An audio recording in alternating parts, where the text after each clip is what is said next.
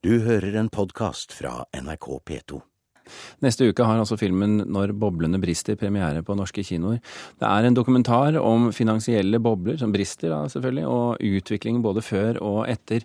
Filmen er laget av Hans Petter Moland, regissøren bak filmer som En ganske snill mann, Gymnaslærer Pedersen og A Beautiful Country.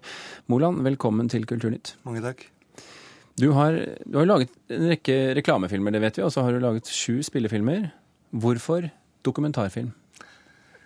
Jeg tror egentlig fordi dette er den mest spennende historien som eh, er i vår samtid. Eh, og en historie som jeg vel bare delvis forsto.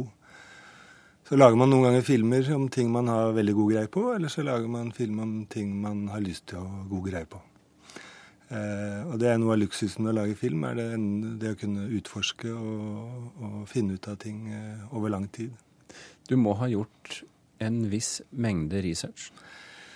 Ja, jeg har gjort det, og manusforfatter Petter Skavlan har gjort det. Og en hel drøss andre som har vært involvert. Så det har vært et stort uh, fellesprosjekt.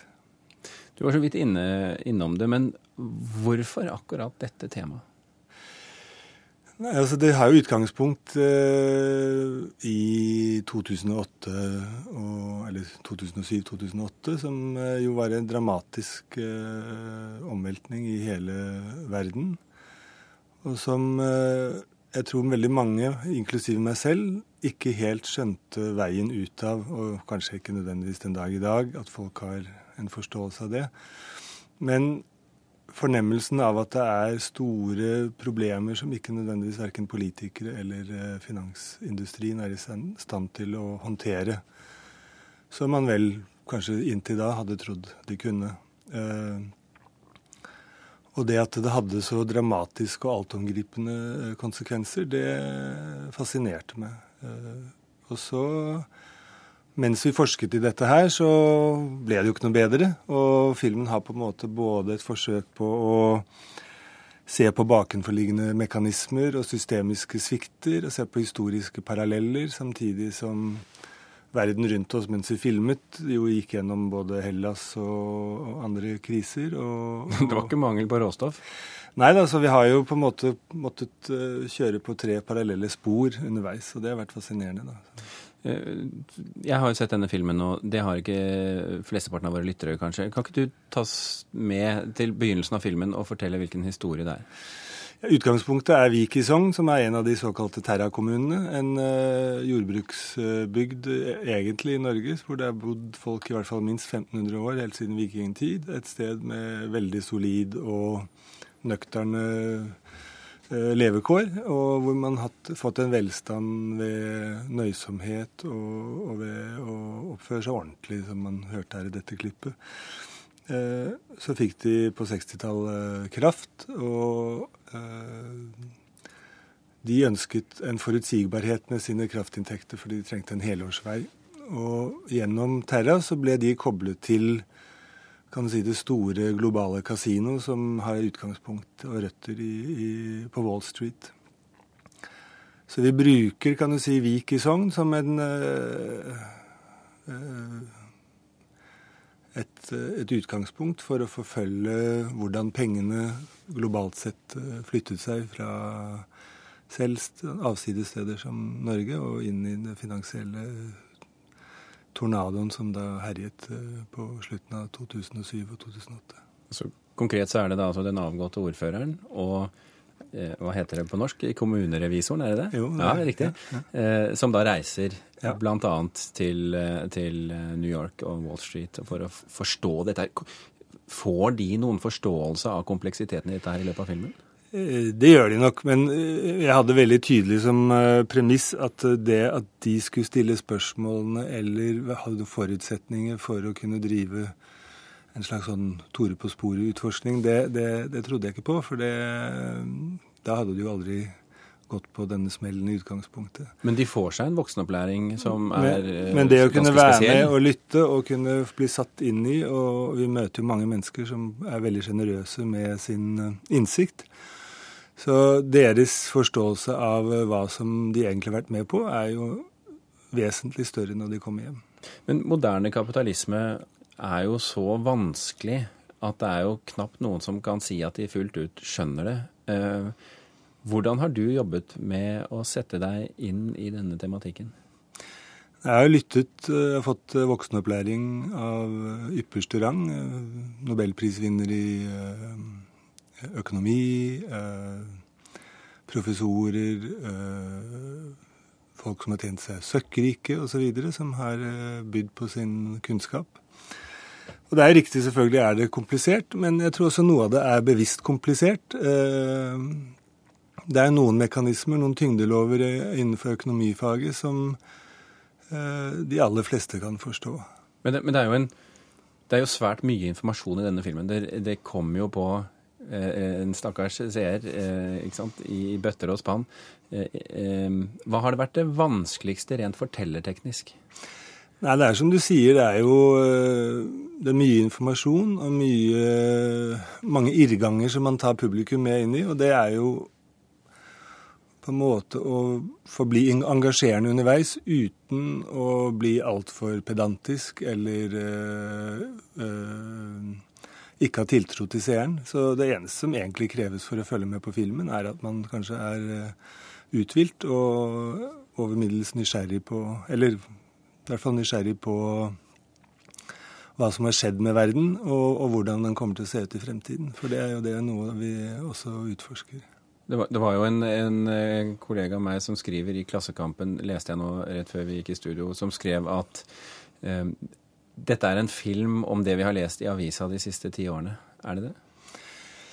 Jeg tror fragmenter av det har vært i avisene. Eh, senest i går så står det om eh, eh Goldman Sachs og, og deres eh, delaktighet i Hellas' inntreden i euroen. Eh, så det er jo kommet drypp, men det å sette det sammen og gjøre det forståelig og tolke den informasjonen som på en måte kommer som litt sånn en sprut av, av forskjellige ymse slag i, i, i, fanget og ansiktet på oss vanlige dødelige. Men du, du, nevnt, ja, du, du, snakket om Goldman Sachs her. Er de skurken i fortellingen?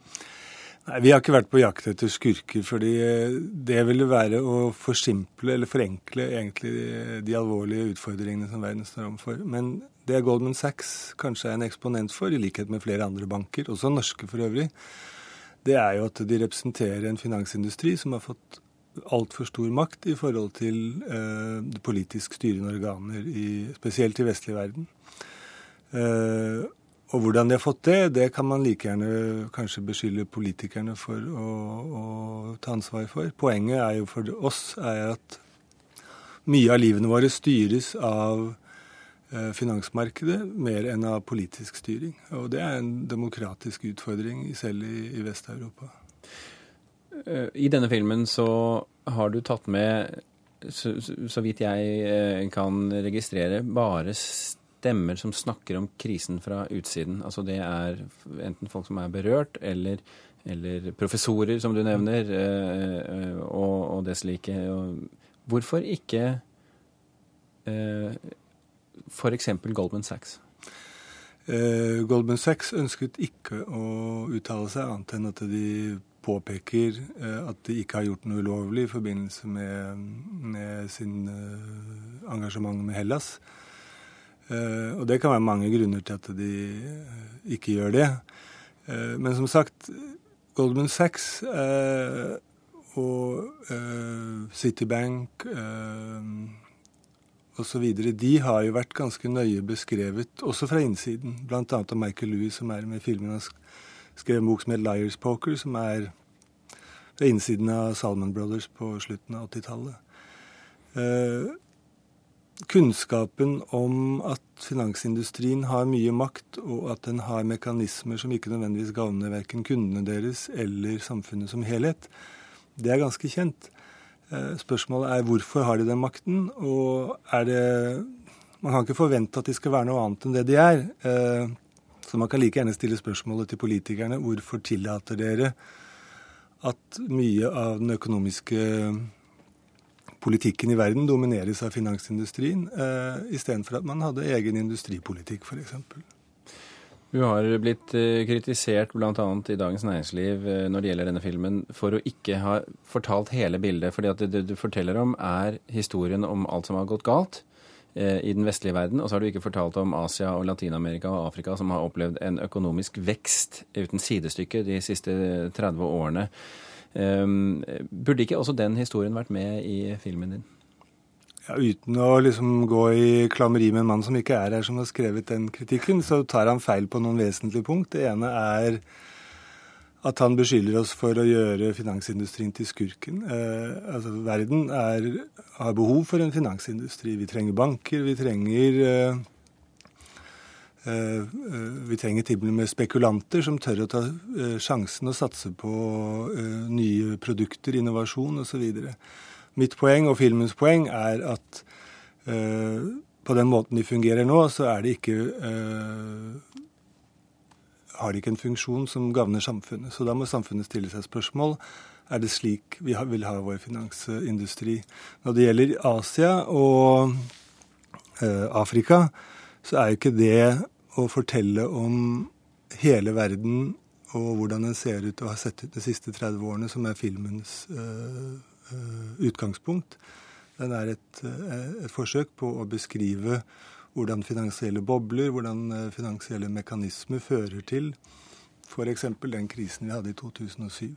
Kort, kort svar nå, det, for nå er vi snart ferdig i Kulturnytt her. Hva ønsker du for filmen? Skal den få verdensherredømme? Nei, jeg håper at den vil få folk til å bli nysgjerrig på hvor fantastisk fascinerende økonomifaget er, og hvor viktig det er for deres eget liv.